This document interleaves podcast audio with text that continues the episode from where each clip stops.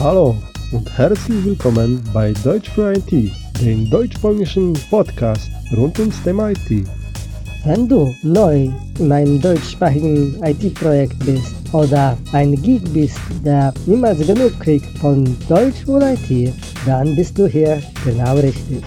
Und hier ist dein Gastgeber, Shishi, Shishi, Shishi, ach, Scheiße. Hier ist Chris. Hallo und herzlich willkommen. Ich bin Krzysiek und das ist Deutsch für IT, Folge 016. Cześć, witam serdecznie, jestem Krzysiek, a to jest niemiecki dla IT, odcinek 016. Jeśli jest to pierwszy odcinek, jakiego słuchasz, to chcę Ci powiedzieć, że jest to podcast dwujęzyczny, polsko-niemiecki. Zagadnienie jest omawiane po niemiecku i po polsku. Przyznam, że dzisiejszy temat miał być inny, ale przeczytałem ciekawy artykuł na niebezpieczniku i tak mnie ta historia urzekła, że postanowiłem do niej nawiązać w dzisiejszym odcinku. Na marginesie, dzisiejszy odcinek nie jest sponsorowany ani nie powstał przy współpracy z niebezpiecznikiem. Po prostu jak wspomniałem przed chwilą, historia ma coś w sobie takiego, że nie mogłem przejść obok niej obojętnie. Link do oryginalnego artykułu znajdziesz na moim blogu niemiecki dla IT we wpisie 016, tak jak numer tego odcinka. Heute sollte eigentlich ein anderes Thema sein, aber auf niebezpiecznik.pl habe ich einen interessanten Artikel gelesen und ich war so verzaubert durch diese Geschichte, dass ich beschloss, zu sie beziehen in heutige Folge. Äh, nur nebenbei möchte ich sagen, dass diese Folge ist nicht durch Niebezpiecznik gesponsert. Wie ich eben gesagt habe, es ist eine Geschichte, neben der kann man nicht gleichgültig vorbeigehen. Link zu diesem originalen Artikel findest du auf meinem Blog www.niemieckilit.pl in den Eintrag Nummer 016 wie die Nummer von dieser Folge. Okay, also los damit.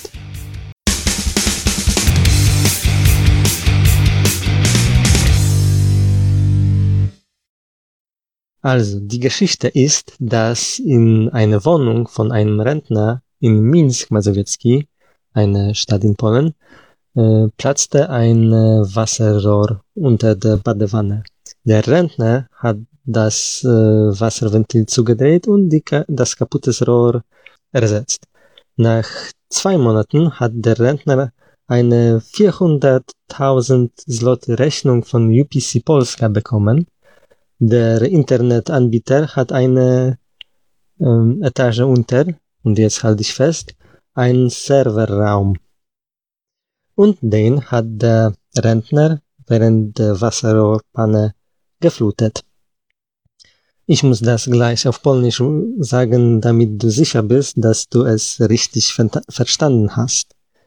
Muszę to od razu przetłumaczyć na polski, abyś był pewien, że naprawdę dobrze to zrozumiałeś. W mieszkaniu pewnego emeryta w Mińsku Mazowieckim pękła rura z wodą pod wanną.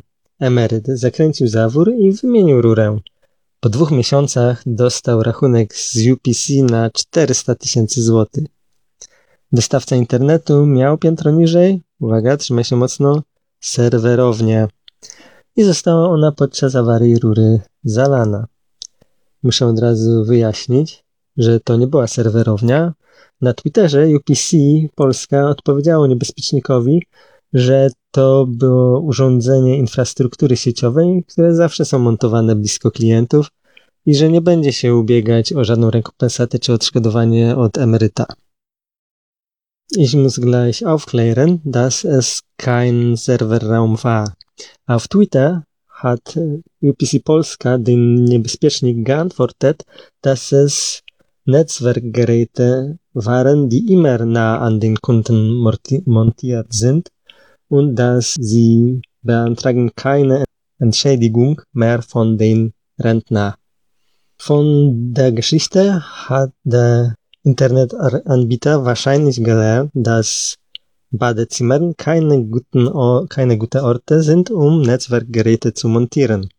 Aber wenn es schon sein muss, weil zum Beispiel es keine andere Wahl gibt, muss man äh, Vorsorgenschritte unternehmen. Was können es in diesem Fall sein? Zum Beispiel vor allem das Risiko solcher Installationen zu berechnen. Wie groß ist die Wahrscheinlichkeit, dass äh, die Geräte nass werden ob, und ob man mit das Risiko einverstanden ist. Gute Versicherung und solche Versicherung, die auch Überflutungsgefahr berücksichtigt. Physische Sicherheit, wie zum Beispiel Isolation des Raumes oder, oder spezielle wasserdichte Kasten, in denen man die Geräte montieren kann oder auch wasserdichte Geräte. Aber ich glaube nicht, dass es solche gibt, die so viel Wasser, wie es in ein Badezimmer geben kann, aushalten.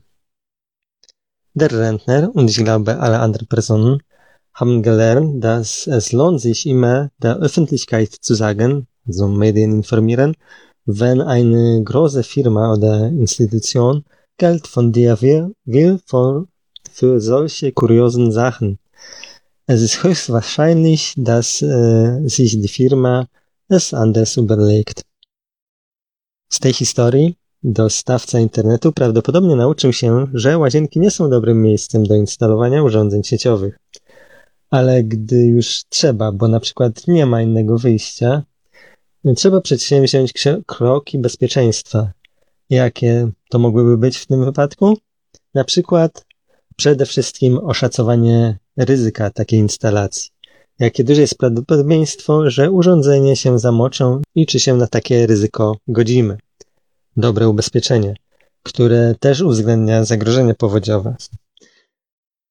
Zabezpieczenia fizyczne, takie jak izolacja pomieszczenia albo specjalne wodoodporne skrzynki, w których można by zamontować urządzenia, albo wodoodporne urządzenia.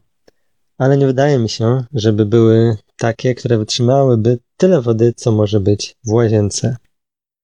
Emeryt i wydaje mi się, że każdy inny człowiek nauczył się, że opłaca się powiadomić opinię publiczną, czyli poinformować media, gdy jakaś duża firma lub instytucja chce od ciebie pieniądze za tak kuriozalne rzeczy. Jest duże prawdopodobieństwo, że firma zmieni swoje zdanie.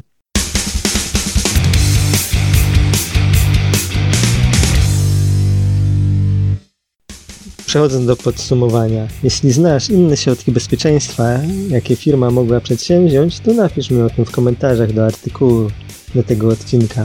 Wejdź na www.niemieckidlait.pl, znajdź odcinek 016 i napisz komentarz. Każda konstruktywna krytyka, jak i pomysł na tematy do kolejnych odcinków są też mile widziane. To wszystko na dzisiaj. Dzięki za uwagę, dzięki, że zostałeś ze mną do końca. Danke, alles Gute und bis zum nächsten Mal. Das war Deutsch for IT. Danke, dass du bis zum Ende da warst. Wir hören uns.